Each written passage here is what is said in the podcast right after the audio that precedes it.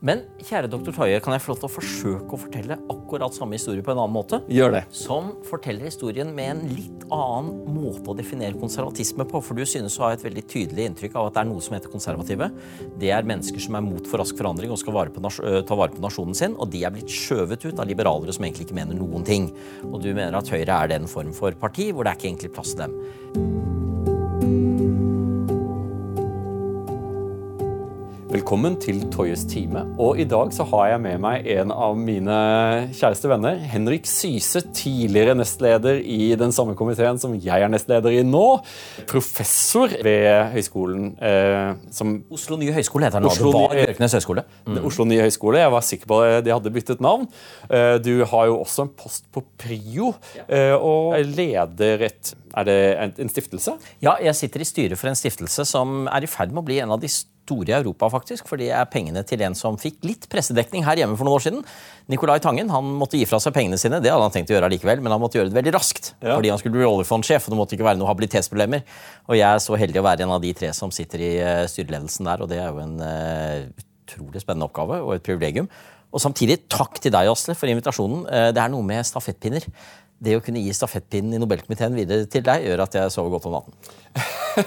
du er altfor grei. Eh, jeg tror nok at mange opplevde at det var, en, eh, var, å, var, å, bytte en Mercedes mot en Toyota. Men du har en veldig forståelse for institusjoner. Du har en veldig forståelse for roller. Og det å være nestleder i Nobelkomiteen er ikke det samme som å være en hardtslående debattant. Man kan være begge deler. Man skal huske hva man er når man er der man er.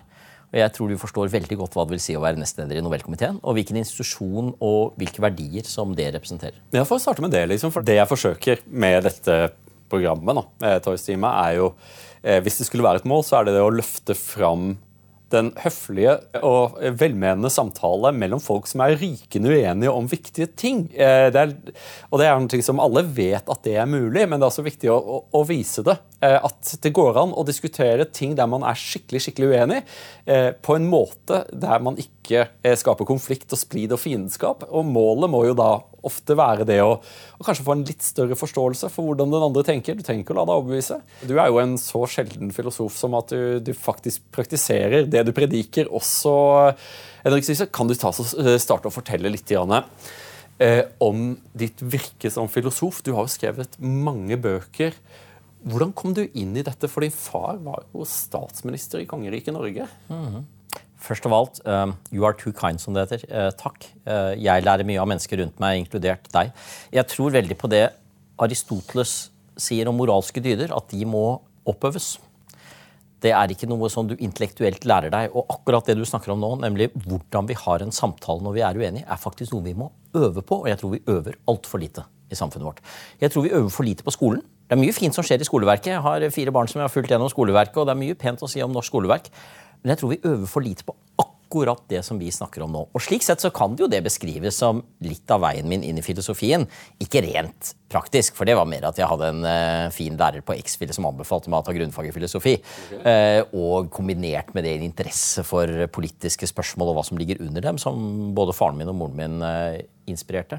Men likevel så har jeg alltid vært opptatt av hvordan vi kommer oss fra de idealene som vi sier at vi har, til at de faktisk betyr noe vi har alle opplevd mennesker som sier at de er for fred, fordragelighet og vennskap, og som ikke klarer å praktisere det. Kanskje fordi de blir veldig defensive, de er redde for å miste noe. De er sint på den annen part. Det er helt naturlig å bli sint. Mm. Noen ganger så skal vi bli sint. Vi skal ikke bare sitte og si ja, ja, Hitler får bare komme, eller hvem det måtte være. Men det å komme fra slike idealer til en praksis hvor vi faktisk er i reell dialog øh, høre på hverandre, villig til å lære noe nytt, villig til å ta inn over oss hva som er store problemer, og faktisk snakke om dem, det tror jeg er vanskeligere enn det ser ut som. Og det er litt av det samme som man innser når man studerer filosofi. Man starter med å tenke dette er ikke så vanskelig. Det er litt om eh, Gud, og litt om meningen med liv, og litt om etikk, og litt om eh, metafysikk. Og eh, det er noen rare ord, men dette skal gå bra. Og så setter du deg ned, og så innser du wow, disse tingene er komplekse, de er sammensatte, og de er vanskelig å få et grep på. På toppen av det hele så er store tenkere uenige med hverandre. Og jeg er jo en sånn som ofte er enig med siste taler. Så hvis jeg leser Thomas Aquina, så er jeg fullstendig tomist. og så leser jeg dagen etterpå David Hume, og så tenker jeg du verden for en tenker David Hume var. Og så møter jeg Kant dagen etter. Og det kan være en styrke, men også en svakhet. Eh, jeg klarer ikke helt å lande, men jeg klarer i hvert fall å ta inn over meg viktigheten av kompleksitet. Hvis jeg får lov til å legge til ett poeng på det svaret Jeg hadde det utrolig gøy for halvannen uke siden. Da var jeg med på noe som ligner det du og jeg gjør nå. Jeg var nemlig invitert på retreat på Lia gård.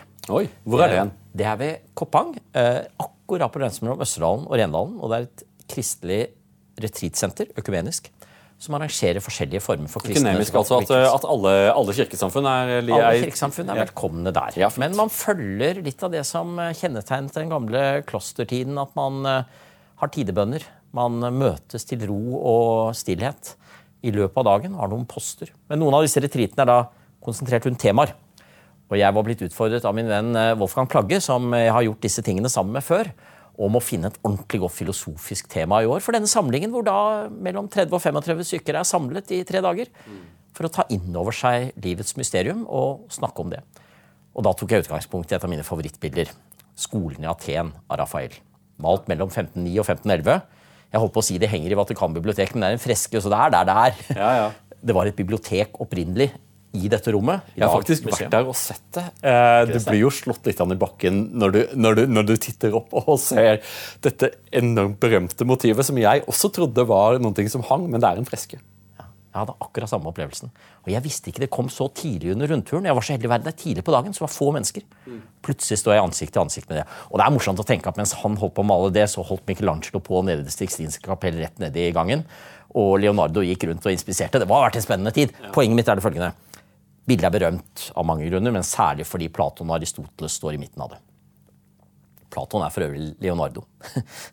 En av de flotteste fremstillerne Leonardo er Platon i skolen i Aten. Michelangelo ligger nede på trappene og er Heraklitt. Så han, så han var, han Han var var modell for, eh, for eh, Platon. Og Platon peker oppover, og Aristoteles peker ut i verden. Og det er denne konflikten eller spenningen mellom de to. To måter å tenke filosofi på. Men Wolfgang og jeg ble enige om, mens vi var sammen om dette, han spiller musikk, er jo en enestående morsom type. Jeg holder små filosofiske kåserier. At vi gir bildet et nytt navn. For navnet Skolen i Aten dukket opp først på 1600-tallet. Bildet hadde ikke egentlig noe navn. Vi kaller det invitasjonen. Invitasjonen til samtale. For selv om det er mange filosofiske skoler representert i dette bildet, så lyser hele bildet av gleden over samtalen. Det er ingen konflikt, selv om det er en motsetning mellom Platon og Aristoteles. Og det er tydelig at her skal man bli med inn i dette bildet. Det er en enestående tredimensjonal effekt. Og for meg, den helgen der, ble en ny vekker for meg på akkurat det vi snakker om nå. Hvordan kan vi ta inn over oss at disse menneskene har noe viktig å si oss? Vi trenger ikke være enige med dem. Det er liksom en av de klisjeene vi bruker. Er du enig eller uenig? Nei, jeg lytter til dem. Jeg tror de har noe å si meg. Og jeg tror spenningen mellom dem er positiv hvis vi tar oss tid til å lytte. Og Derfor så tror jeg det du gjør med en eh, time som dette, og det vi mer generelt kan gjøre i samfunnet for å øve oss i god samtale, er noe av det absolutt viktigste vi kan gjøre i dag. Helt enig. Men så som når dere da møtes eh, på dette nynorske ordet, et retreat Jeg er hjemme på gården, sier vi. Ja. Eh, har det noe å si at eh, folk møtes eh, på religiøs grunn? Det har det noe å si? Det er, det, er et, det er et godt spørsmål, og det er et riktig spørsmål å stille. Nå er det ingen inngangsbillett her, og du kan gjerne være helt sekulær. Og da sitter du kanskje og hører på noen av tidebønnene i den lille kirken som er der, og lurer på hva i all verden er dette. Men du godtar jo at det er en ramme rundt det. Og for meg så er det en ramme som sier to ting. For det første sier det noe om en tradisjon som strekker seg over århundrer og årtusener. Som har et språk. Og dermed finnes det et språk tilgjengelig for å uttrykke vanskelige ting. Wolfgang er opptatt av det når han forteller om Mozart eller om Beethoven eller om Schumann eller Schubert, at veldig mye av det de uttrykker gjennom musikken, er jo en form for språk, men det henter jo de igjen fra det de har opplevd og tenkt. Både Mozart og Beethoven var sterkt opptatt av gresk filosofi og hentet mye av sin tenkning fra nettopp den bakgrunnen. Og det er noe av det som den kristne tradisjonen nok gir oss på en måte vi trenger å være mer bevisst på et språk. Faktisk ord vi kan bruke. Mange som har fortalt meg det i forbindelse med bisettelser eller begravelser. At jeg hadde ikke noe så veldig forhold til kirken, men det var jo fint, og, og vi tenkte det var naturlig. Og så merker de plutselig oi, her er det et språk som de har laget for oss. Jeg trenger ikke finne på det språket selv. Jeg kan få lov til å ta del i det. Så det er det ene.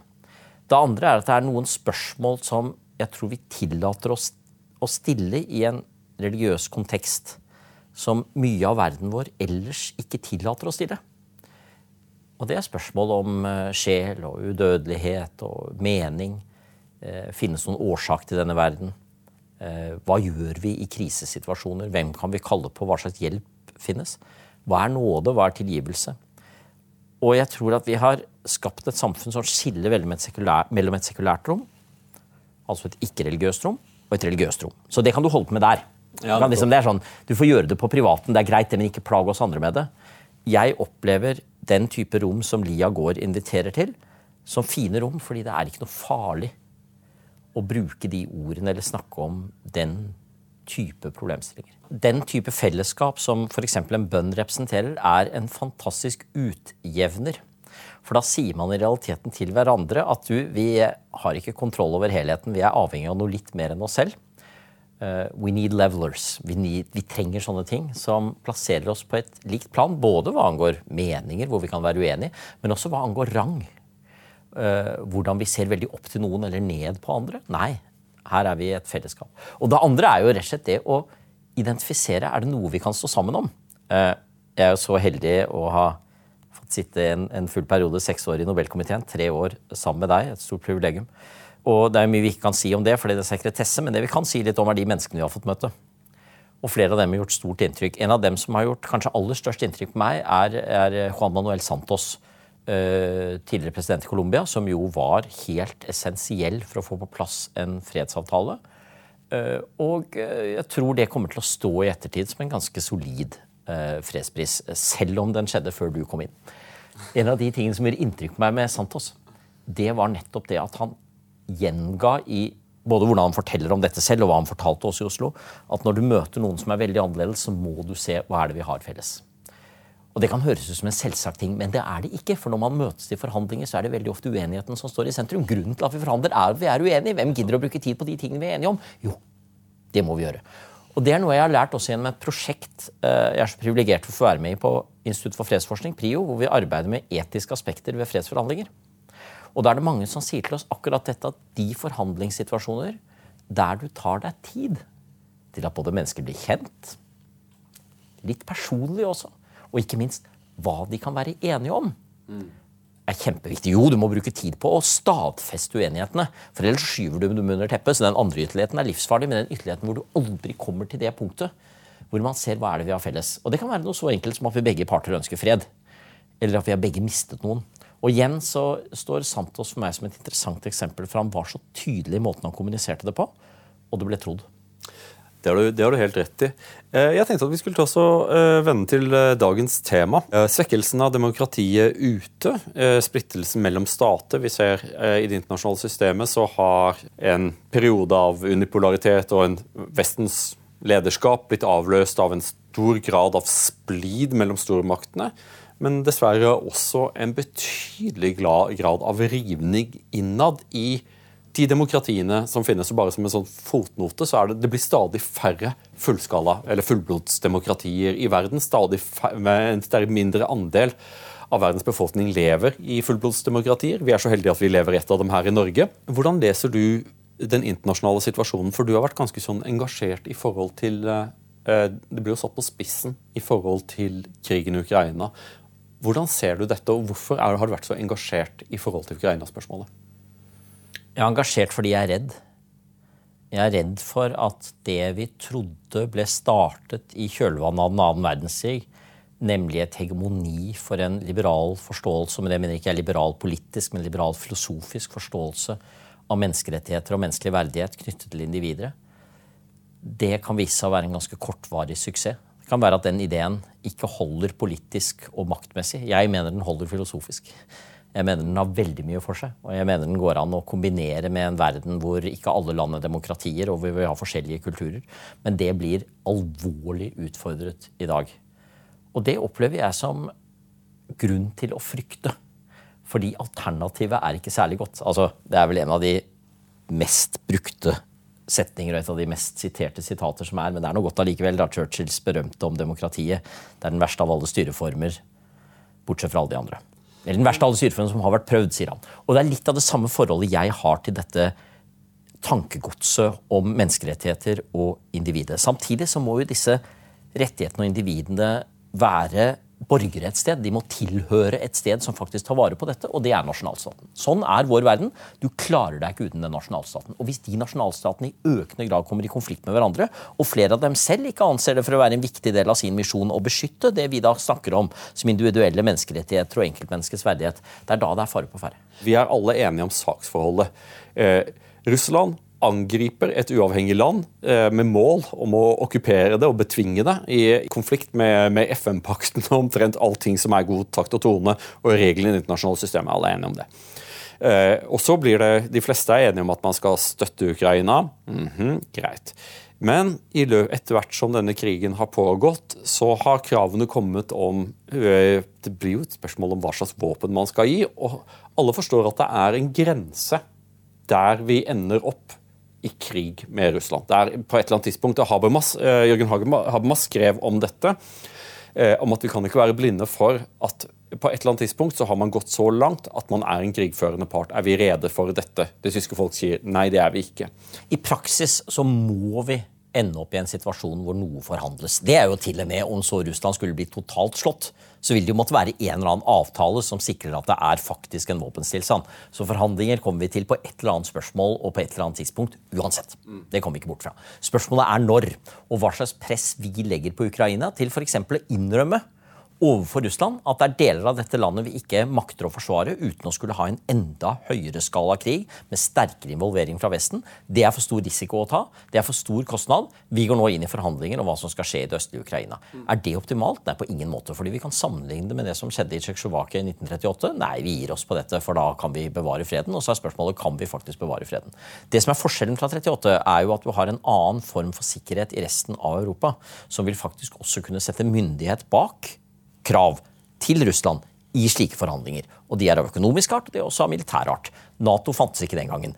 Folkeforbundet var en usedvanlig svak konstruksjon. Du hadde en situasjon der i realiteten Hitler hadde the upper hand. Vladimir Putin har i dag ikke the upper hand. Men faren som du skisserer, nemlig at vi i vår iver etter å slå tilbake mot det som er et eklatant brudd mot folkeretten, også går, plasserer oss et sted hvor ting blir mye, mye farligere, det, er det gjør vi jo hver eneste dag. Altså, hvorfor, bare La oss sette på spissen, da. Hvorfor bomber vi ikke Pyongyang? Det er et av verdens verste, om ikke verdens verste, diktatur. Tusener på tusener av mennesker sitter i fengsel, hundretusener dør pga. elendig styresett og sult. Vi kan bare sette regimet fullstendig til side og installere noe annet. Hvorfor gjør vi ikke det? Fordi det er livsfarlig. Det er livsfarlig. Er det noen som ville vært en berettiget krig ut fra klassisk rettferdig krig-tankegang? Kanskje den ville vært litt Eh, tvilsom ut fra tankegangen om at krig primært skal være defensiv, men ut fra de andre kriteriene bli kvitt Kim Jong-un. Men vi gjør det ikke. Det er rett og slett for farlig slik verden er. Og Da er vi over på noe du er spesialist på, den politiske realismen, ja. som sier til oss vi må bare ta inn over oss at det er interesser som står mot interesser, også der vi mener at en interesse er illegitim. Moralsk og politisk så kan vi ikke komme bort fra at den faktisk er der. Det er der vi må begynne å tenke. Hva gjør vi da? Og ikke minst, hva ønsker vi skal være de neste skrittene? Uhyre komplisert. For det vi gjør hvis vi nå går inn i forhandlinger med Russland, er jo også å tenke gjennom hvordan skal Europa se ut i 2030 i 2040? Hvilke premisser legger vi for det? Men det er én ting jeg blir stadig mer opptatt av, og det er at hvis vi skal se på en del av de store utfordringene menneskeheten står overfor Det har å gjøre med klima og miljø. Det har å gjøre med slike ting som vi startet å snakke om, rettsstat og, og, og menneskerettigheter. Så er vi nødt til å ha internasjonalt samarbeid en langvarig situasjon hvor vi er i et totalt motsetningsforhold til både Russland og Kina. Sanksjoner. Ingen handel. Ingen forskningsutveksling. Jeg tror ikke vi kan leve med det. Vi må komme i en situasjon hvor vi igjen er i dialog. Også det må vi gjennomtenke nå. For En ting som frustrerer meg med dagens, eh, dagens situasjon og debatt, er at eh, det synes å være en sånn tidsforsinkelse der mange synes å tro at vi er i 1996, og at eh, Vesten definerer hva som går og hva som ikke går. Samtidig som at du ser at mesteparten av verden sanksjonerer ikke Russland.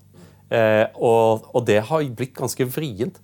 Og det overrasket meg litt at når Vesten, når verden hadde en så god sak for du, du, brukte ordet eklatant. Nettopp. Eklatant. Det er et godt ord for hva Russland gjorde. Det finnes ingen rettferdiggjøring for hva de gjorde mot eh, Det fantes ikke noe, et casus belli, eh, som vi snakker om. Det fantes ikke en krigsutløsende ting som Ukraina hadde gjort, som, som gjorde at Russland kunne finne på å gjøre noe slikt. De, men hvorfor klarte da ikke Vesten å samle en gang land og stater som er, står oss nær? Jeg snakker her om stater som Brasil, jeg snakker om land som Saudi-Arabia, India.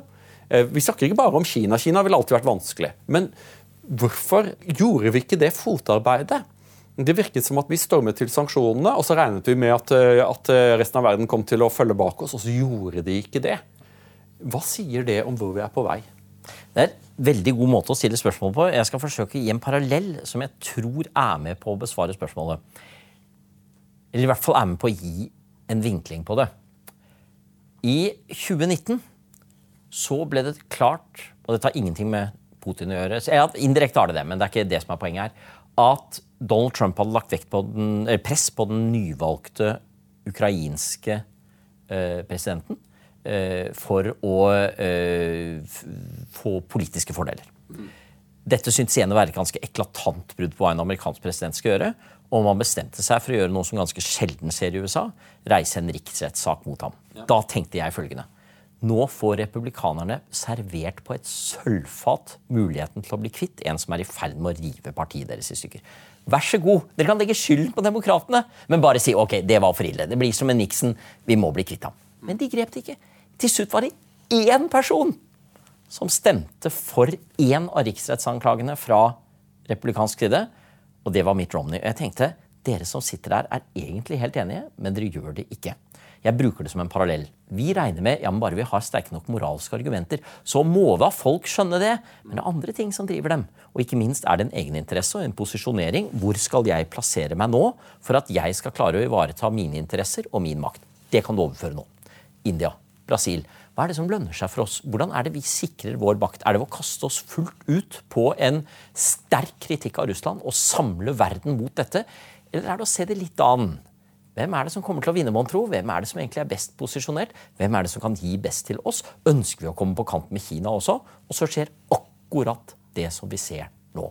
Jeg vil jo likevel si at vi skal ta en viss fortrøstning i at det er en demokratisk samling mot Russland i stor grad. Brasil og India er unntak. Så kan man spørre hvor solide demokratier det er.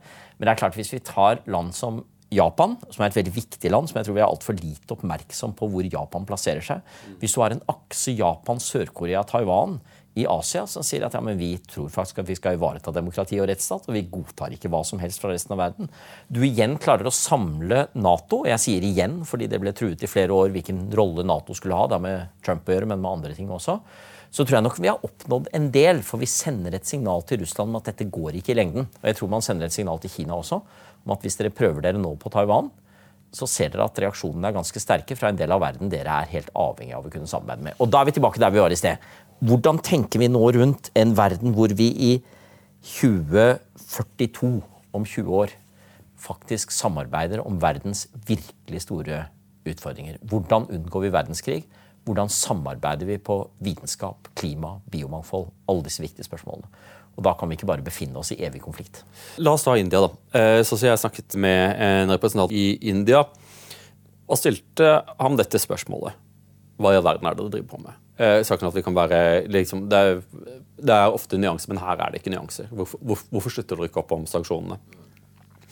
Og svaret eh, var litt nedstemmende. Det er ingen vits å inngå noen avtale med Vesten pga. at Vesten er upålitelige. Hvis vi gjør dette, så er det ingen garanti for at dere ikke om seks måneder får en eller annen raptus og skal begynne, skal begynne å sanksjonere oss pga. en av de hva, antall 400 menneskerettighetene som finnes nå, store og små.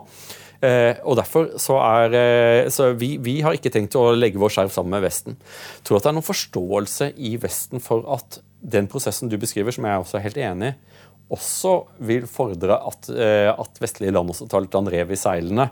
og og innser at uh, 'better is the enemy of good'. At, uh, at kanskje vi burde fokusere litt mer på å, å, holde mørket på avstand, og litt mindre på å bygge opp gigantiske tankekonstruksjoner som ikke alle er enig i. Vi må rett og slett se kjølig på hva er det som lønner seg for oss. Hva er vår sak? Hva er det vi ønsker å bruke midler på? Likevel så er dette et veldig interessant punkt vi er inne på nå. Og det er hvorvidt det er en motsetning mellom nasjonale interesser og globale interesser. Og jeg tror jo noen ganger at også i internasjonal politikk så er vi our brother's keeper. Vi har faktisk en forpliktelse til å forsvare et system og visse ideer. Skal vi være veldig forsiktige med å gjøre det offensivt og si at vi går til krig for demokratiet, og vi har gått i bare så det synger der.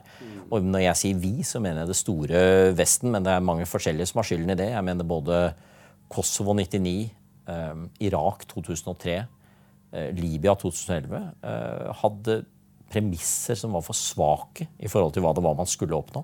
Men jeg mener av den grunn ikke at det ikke er situasjoner hvor det faktisk er riktig å opptre på vegne av et fellesskap. Og da kan jo si at tesen din god som den kan høres ut, faller jo i det øyeblikk man blir medlem av en Nato-allianse. For da er vi jo plutselig faktisk forpliktet til å beskytte andre andre steder og bidra med vår øh, styrke, vår politikk, våre ressurser overfor dem. Og da vil jeg si at Situasjonen med Ukraina var nettopp en situasjon hvor noe utfordres på så grunnleggende, eller som vi sa i sted, fint ord, eklatant vis, at her er det viktig å reise seg opp, også for å sende et signal. Det Jeg vet det er en misbrukt klisjé.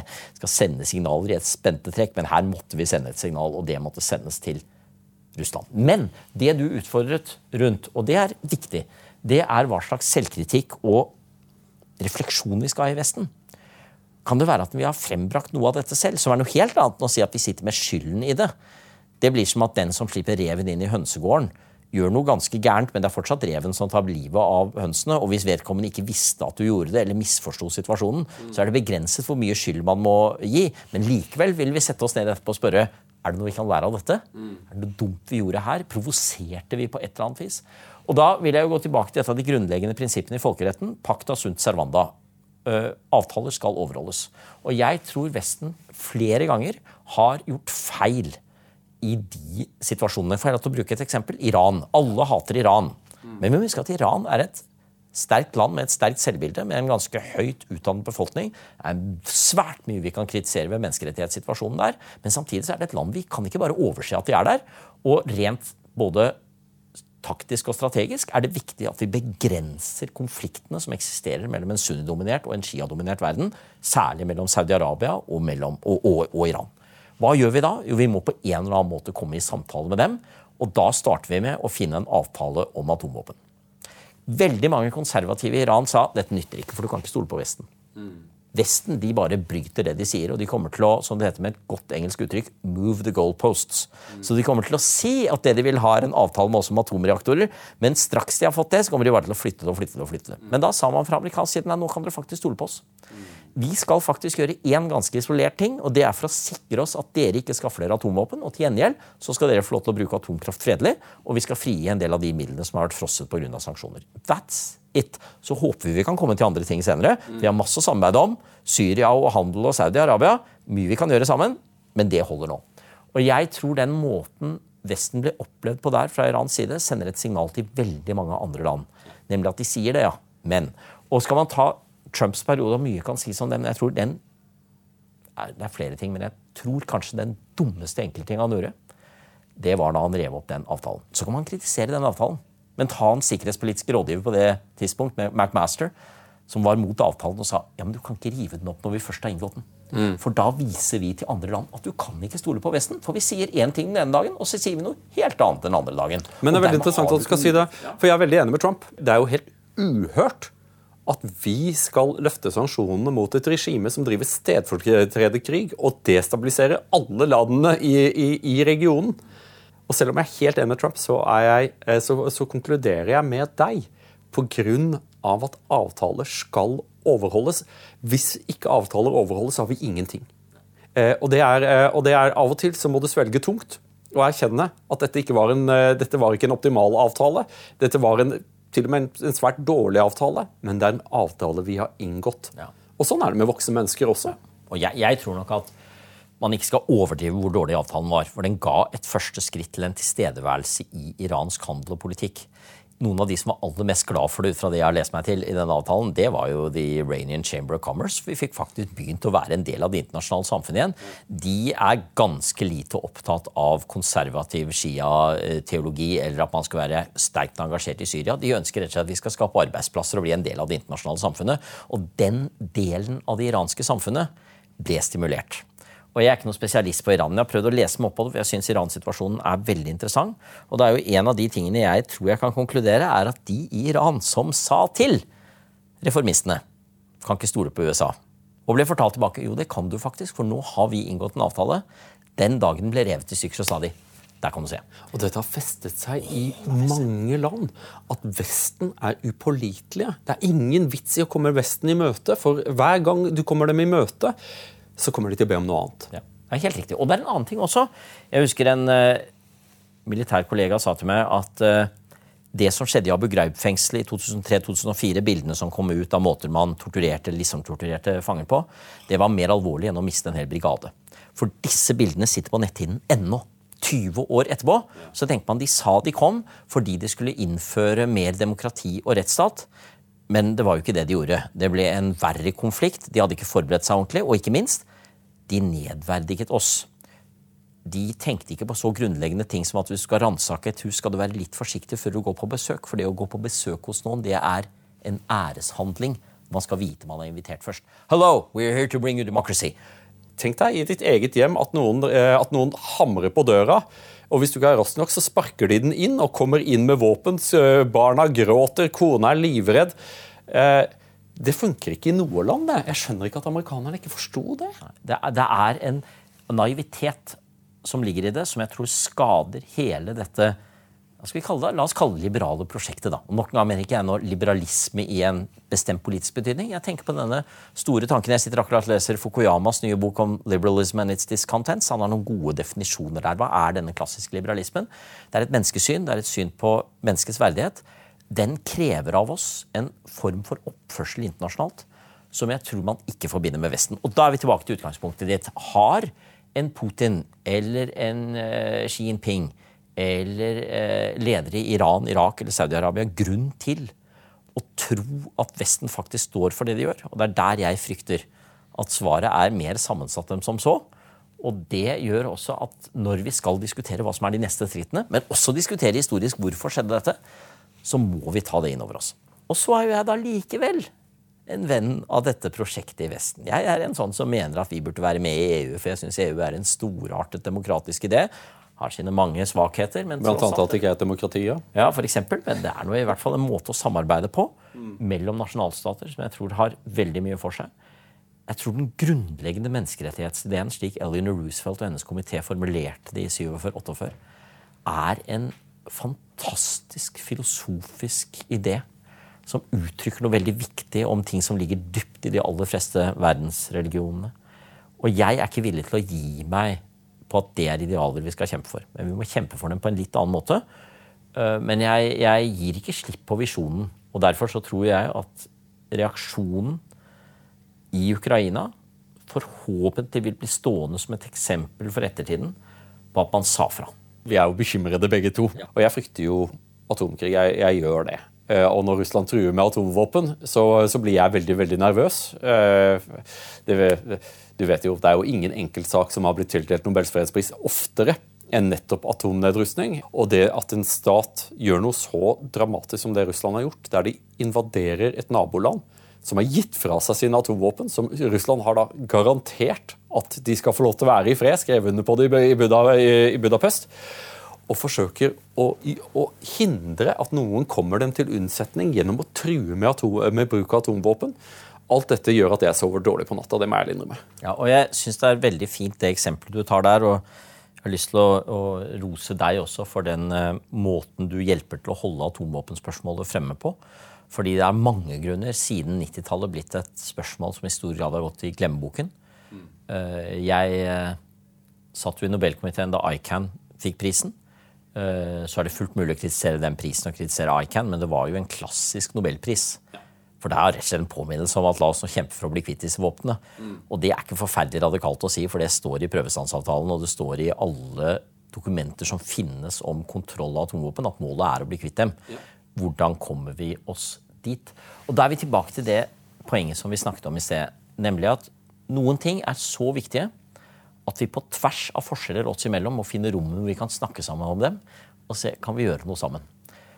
Og jeg tror dette er et sånt eksempel. Og jeg er blitt litt inspirert i det siste, for jeg sitter og arbeider på det jeg håper blir en bok om et år, halvannens tid. Om eh, en eh, del av historien som jeg har blitt veldig fascinert av, nemlig Apollo-ferdene og landingen på månen. Det er jo en helt utrolig ting. Jeg har har til og med på meg Apollo-T-skjorte i dag. Jeg skulle til å si ære det. for deg. Ja, for å vise at det å være her er som en månelanding.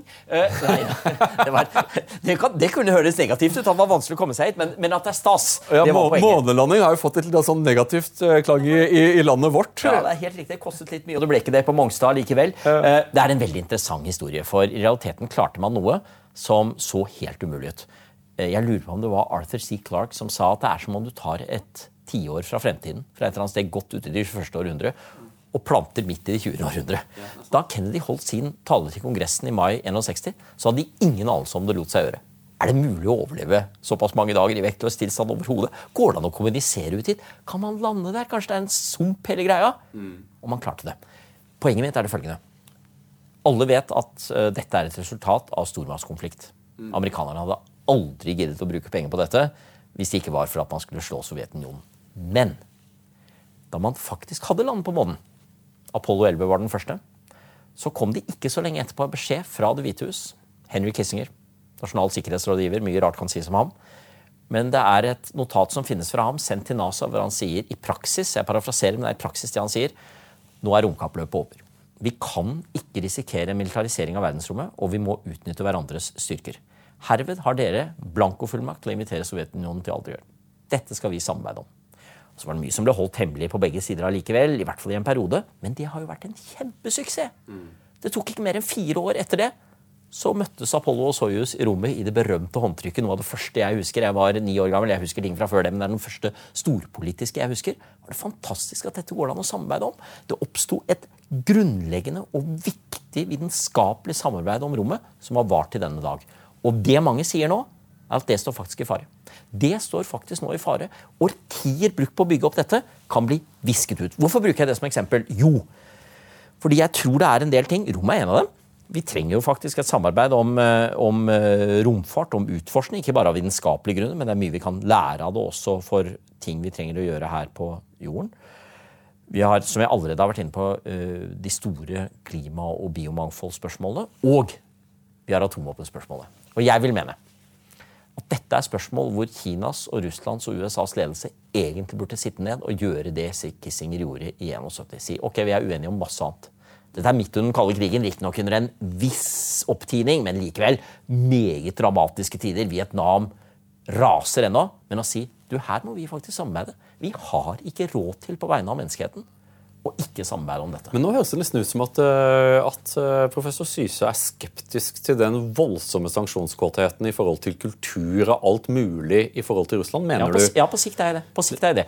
Jeg mener at vi har et sterkt behov for nå å både se hvordan vi kan presse Russland til en annen politikk, og til å bruke de maktmidlene vi faktisk har. Vi har ikke så mange til disposisjon hvis vi faktisk skal unngå en full krig. Vi har våpenhjelp til Ukraina, strategisk og politisk hjelp til Ukraina, og vi har Nei, vi samarbeider faktisk ikke med dette russiske regimet, for det er et regime som det er veldig vanskelig for oss å kunne godta handlingene til. Betyr det at vi om to år ikke skal ha noen form for samarbeid? Nei. Og jeg er blant dem som syns det er storartet at det kommer russiske fotballspillere til Norway Cup. Og vi er nødt til hele tiden å tenke hvordan kan vi nå finne stedene å samarbeide. Og Jeg vil jo håpe at rommet faktisk var et eksempel på det. Den internasjonale romstasjonen er et eksempel på faktisk et veldig vellykket samarbeid. Noe av det mest rørende jeg har funnet i arbeidet med dette, som kanskje da blir en, en bok ja, Datteren min og jeg sitter og jobber med dette, er noen samler stoff. Det var en brevveksling jeg fant fra årsskiftet 68-69.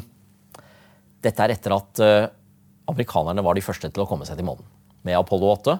Og de sirklet rundt og dro tilbake igjen som forberedelse til eh, månelandingen som kom året etterpå. Jeg fant brev utformet av russiske kosmonauter privat til amerikanerne. Og det er altså en sjenerøsitet og glede og vitenskapelig fellesskap som kan gjøre en helt rørt. Så fantastisk at vi kan gjøre dette sammen. Vi gratulerer dere. Hva var det på overflaten? De livsfarlige kapitalistene i USA slår oss i verdensrommet, vi skal ta dem igjen. Men nei.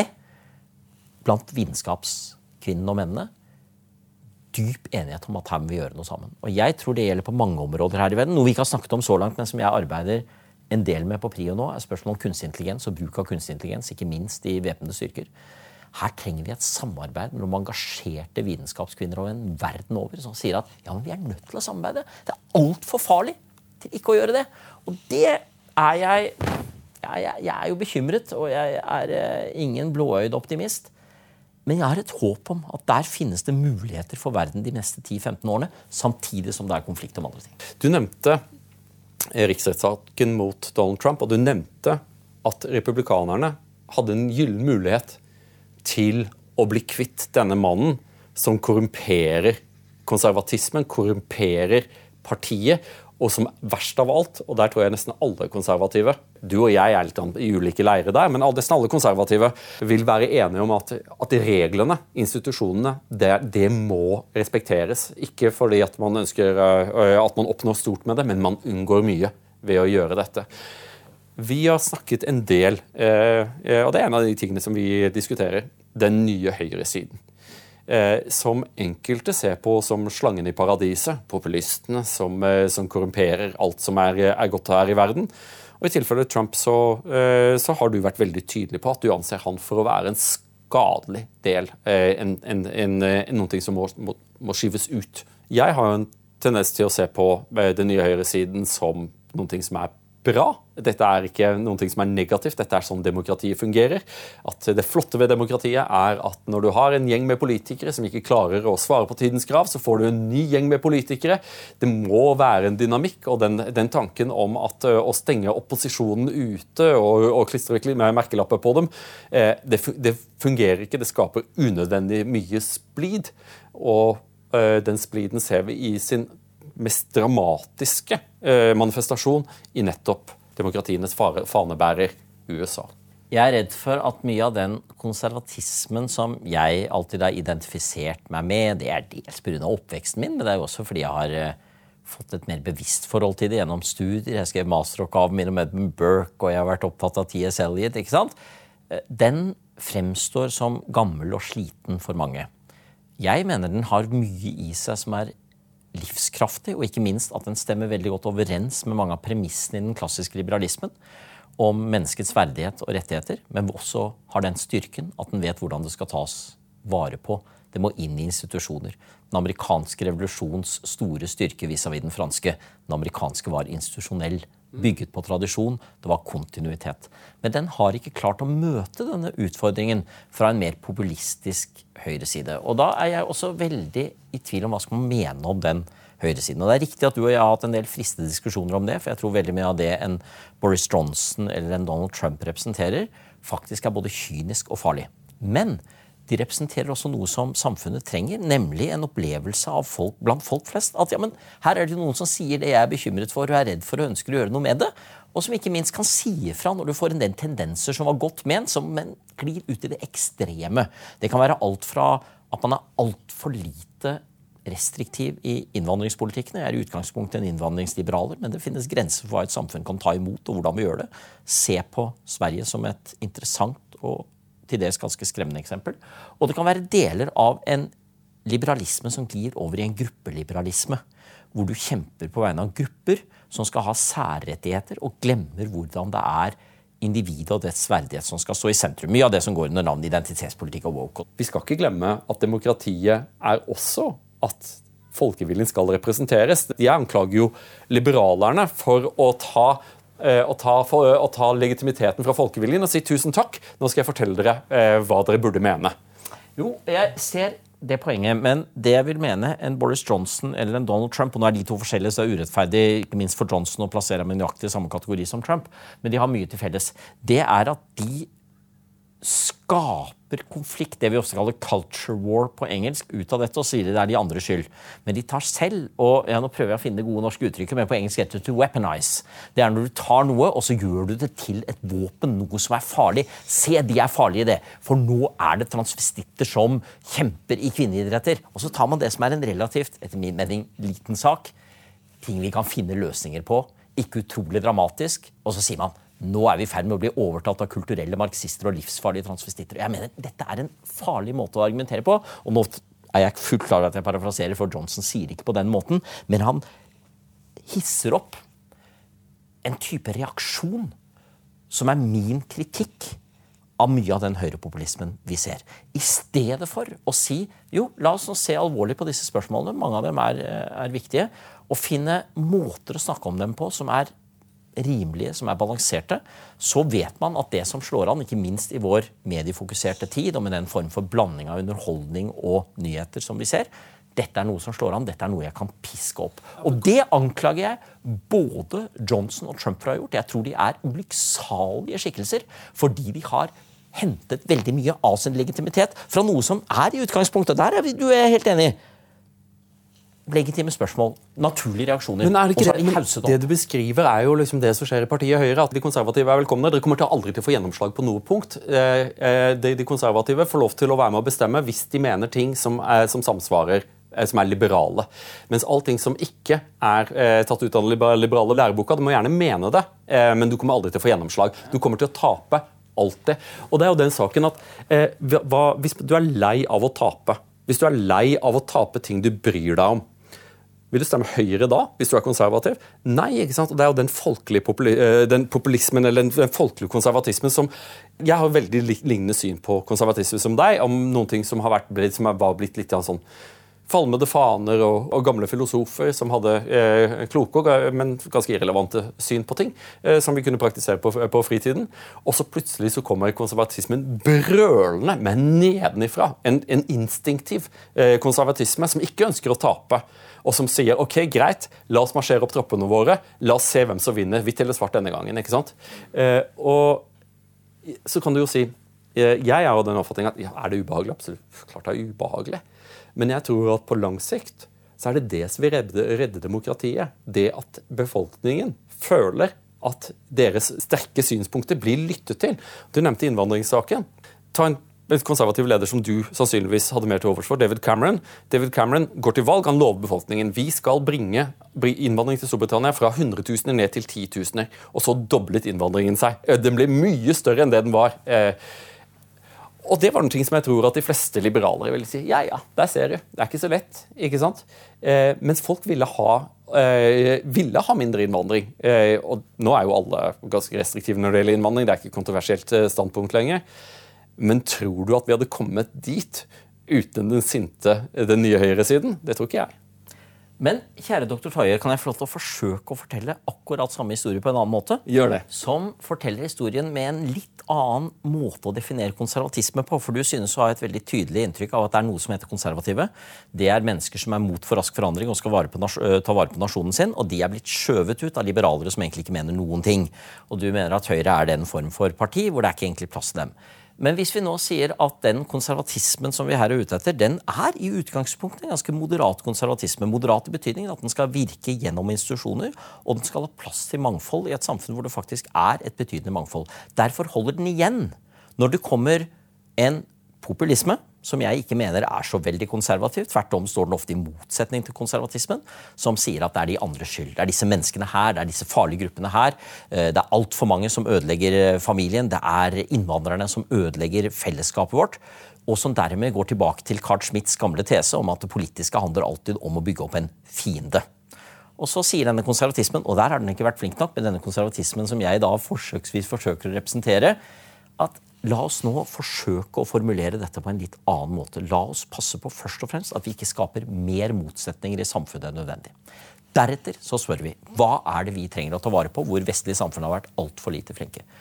Tradisjon, kultur, vår religiøse øh, tilhørighet.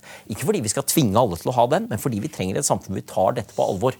Hvor vi støtter biblioteker og, og, og, kirker og skoler med et mangfold, med rettigheter for den enkelte, men hvor vi innrømmer det er noe vi trenger å ta vare på. For mister vi dette, mister vi dette, så er det ikke sikkert vi får det tilbake igjen. Men det skal skje hånd i hånd med en liberal rettsstat hvor enkeltpersoner har rettigheter, og det skal skje hånd i hånd med en retorikk som faktisk er seg bevisst vær forsiktig nå. Vær forsiktig med hvordan ting sies, for når folk er sinte, når folk føler seg på utsiden, så kan ting flamme opp som kan være farlige. Du kan faktisk plutselig få dem til å gå i kor Eller går man i kor? Man gjør ikke det. Man synger i kor, man taler i kor, man går i takt. Bak ganske farlige ting. Og den konservatismen som du da sier ja, men denne konservatismen høres ikke, den kan jo representere noe veldig farlig som slett ikke er konservativt i det hele tatt. Den kan representere det som Ku Klux Klan i USA har representert. Ku Klux Klan-historie er interessant, for det er altså en av de mest ødeleggende terrorbevegelser i historien. Tar man kvantitative oversikter i USA over hvem som har drept flest av den type bevegelser, så har jeg forstått det slik at Ku Klux Klan kommer øverst på den listen. Og de har sagt han selv nei, vi er det konservative USA. Vi forsvarer noen verdier som de andre river ned disse tomme liberalerne. Og jeg vil si livsfarlig. Dette er noe helt annet. Det er en det er helt går... annen kategori. Du, men... Og nå må vi vokte oss for, bare for å fullføre resonnementet, høyresiden har et veldig ansvar for å holde en avstand til dette ytre høyre, og ikke slippe det inn i det man sier er en konservativ reaksjon. Holder ikke du i Carl Schmitt-fella her, der du tar og gjør den, den grupperingen av, det, av, folkelig konservatisme til fienden, og du da skal forsvare det bestående, samtidig som at dine folk tar identitetspolitikk rett i åra? Ikke sant? Og, at, og når man da sier ja, hvem er det som har drept flest? Ikke sant? La oss ta Black Lives Matter. Eh, jeg skal ikke gå inn i, i, dette, men det som er sikkert er at Det demokratiske partiet eh, valgte å være med på den galeien. Eh, man skulle defund the police og det hele. Og så ser du på overdødeligheten blant den afroamerikanske befolkningen i USA, som, som har fulgt etter denne, denne, bølgen av opptøyer og, og politiske imøtegåelser fra, fra demokratenes side. Og der er det mange, mange, mange tusen mennesker som ville sannsynligvis vært i live, rent statistisk iallfall. Eh, hvis ikke dette hadde skjedd, tror du at, eh, at liberalerne tar ansvar for det? Nei, ikke det hele tatt. Ja, det er jeg ikke helt enig i. Og jeg mener at mainstream demokratiske partier har overhodet ikke beveget seg den veien. Og ledelsen i demokratiske partier har ikke forsvart denne type vold. Eh, som dessuten er vesensforskjellig fra en vold som ønsker å rive ned selve den sentrale institusjonen i Washington. Jeg ser at dette hele tiden brukes når man snakker om 6. januar. Ja, men se på Portland! Jeg mener det er to ganske forskjellige ting, men det er alvorlig. Og jeg er fullt med på at det er alvorlig. Men nettopp derfor blir det så viktig at vi ser som politiske ledere, politiske debattanter, hvordan vi kan roe ned de enorme motsetningene. Hva angår din anklage tilbake mot meg om at nå gjør jeg Carl Schmitt feilen og definerer en fiende, touché. Jeg vet akkurat at det er faren. Derfor er jeg et menneske som er opptatt av at vi trenger et samfunn med mer dialog og mer lytting. Og noe av det vi trenger aller mest, er nettopp lytting til det man bredt kan kalle det kulturkonservative. Mennesker som er redd for å miste en identitet. Men hvorfor skal, være, hvorfor skal, vi være, redde? Det er liksom eh, saken av at det å være konservativ, at vi forstår verdien av, eh, av, av, av de små samfunnene. De tingene som holder, så, så, de mange bånd som holder borgerne på plass. Og jeg vil jo si at hvis jeg skulle være i en anklagende eh, tone, så vil jeg da si at ja, gratulerer når liberalerne, etter at de har demontert alle de små samfunnene Allting var undertrykkelse, var det ikke det. Eh, så får man da individer som skrangler rundt i, eh, i et atomisert samfunn, for å bruke Welbecks bilde. Og den, og, og den, konservative vil vite at det er uklokt. På grunn av at velgerne kan da Det er jo som en båt. ikke sant? Hvis alle løper til den ene siden, så, kalver, så kan hele greia gå rundt. Og det er jo det jeg mener vi ser i USA, er jo konsekvensene av at samfunnet ikke henger godt sammen lenger. Møteplassene. Det er, så, så, ikke sant? Det at Henrik Syse og Nasse Sawyer vi, vi, vi, blir tvunget sammen med folk fra Arbeiderpartiet og Senterpartiet i en komité, eh, og til vår store overraskelse så jobber vi jo kjempegodt sammen. ikke sant? Men det er jo fordi at vi tvinges til å sitte rundt dette bordet og diskutere på en, på en, på en åpen og ryddig måte. Eh, hva, med, hva, med, anklagen om at var, var liberalerne altfor lite opptatt av å hegne om tradisjonene? Ja. Svaret på det spørsmålet er ja, og det har jeg alltid ment. Men jeg vil si at Feilen du gjør i ditt resonnement, er at du leter etter det monokausale, som man sier på vitenskapsfilosofisk språk. Nemlig at dette er årsaken. Årsaken er veldig sammensatt, og mange har skyld for dette. Eller skyld i dette, er vel riktig å si på norsk. Og jeg vil jo mene, Hvis du tar det amerikanske eksempelet, og det er interessant fordi det var så, eh, så mange paralleller i andre land, så kan man også si at det er mange andre strømninger i samfunnet som har vært minst like bidragsytende til dette som det du kaller det liberale. Jeg tror eksempel, og jeg sitter og skriver litt om det akkurat nå, at det er en ganske interessant samling av forskjellige tendenser som har kommet sammen i USA. og En som skrev nydelig om det i sin tid, er jo Christopher Lash, som dessverre døde bare 61 år gammel på 90-tallet. Den store amerikanske konservative historikeren. Stemmer, Som jo egentlig var en marxist, og som jo hadde stor sympati med venstresiden, men som som deg mente at redningen ligger i en folkelig populisme. Men han hadde noen andre poenger, og hans mest berømte verker handler vel om dette. Nemlig at USA er blitt et underholdningssamfunn. Det er blitt et narsissistisk samfunn som hele tiden henter mye av hverdagen og måten man forstår hverdagen på, fra spill og gøy og moro og filmer og Hollywood og fiksjon. Og Det kan være mye fint med det, men det kan samtidig være at man skaper seg en parallell verden man ikke helt skjønner, og til slutt skal alt bare være moro.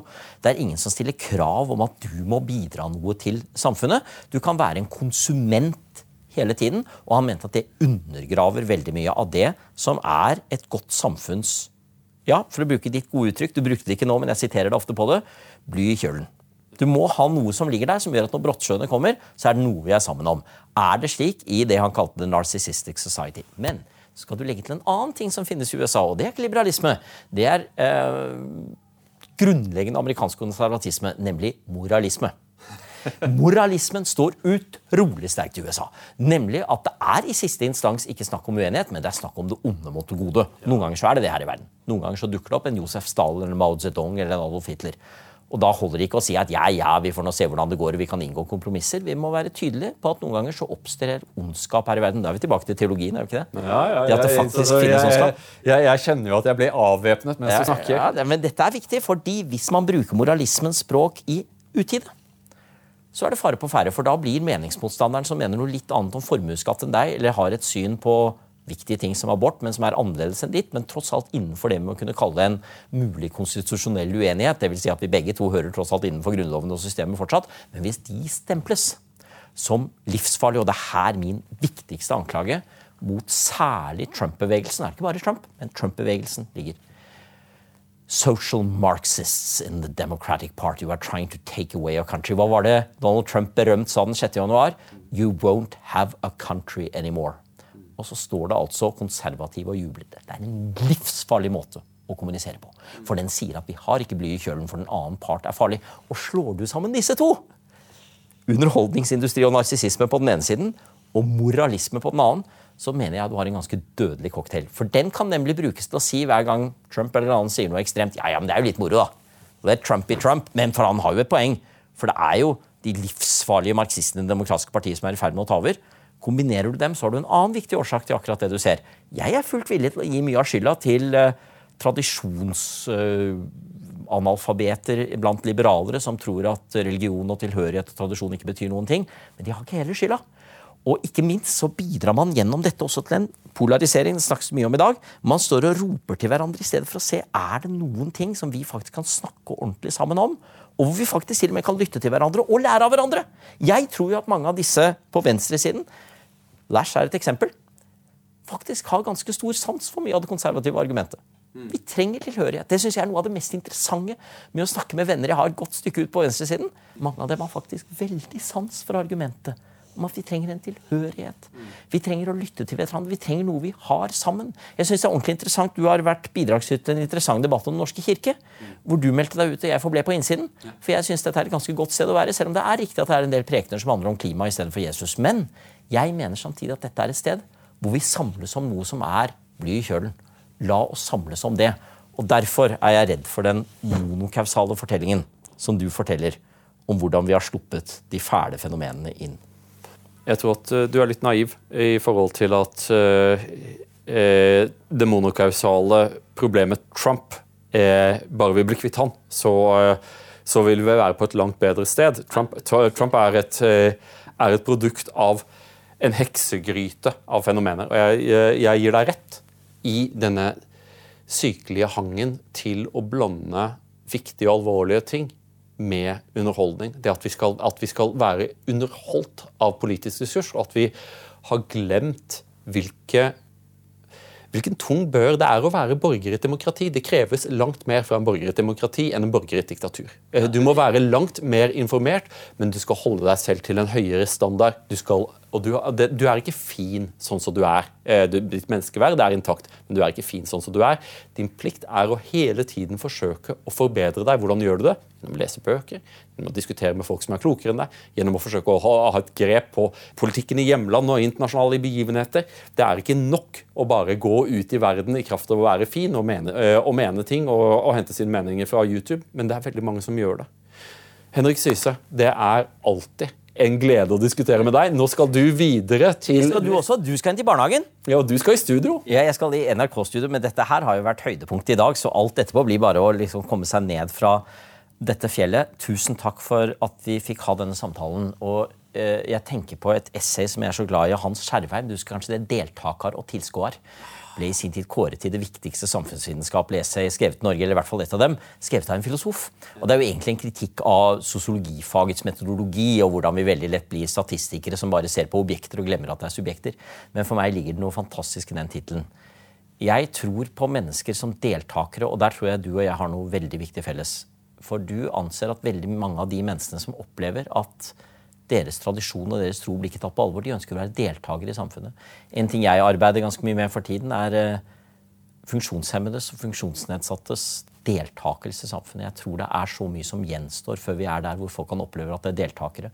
Som du vet, i forbindelse med den veldedige stiftelsen jeg sitter i styret for, så arbeider jeg mye med jenters rett til deltakelse i utdanning i en del av verdens aller fattigste land hvis jeg skal våge i en pessimistisk tid som når å være litt optimistisk det, var, det er fint at du er det på. Ja, så hvis vi avslutter der Tenk om vi kan bidra til, fra vår rike del av verden, å gjøre flere mennesker til deltakere.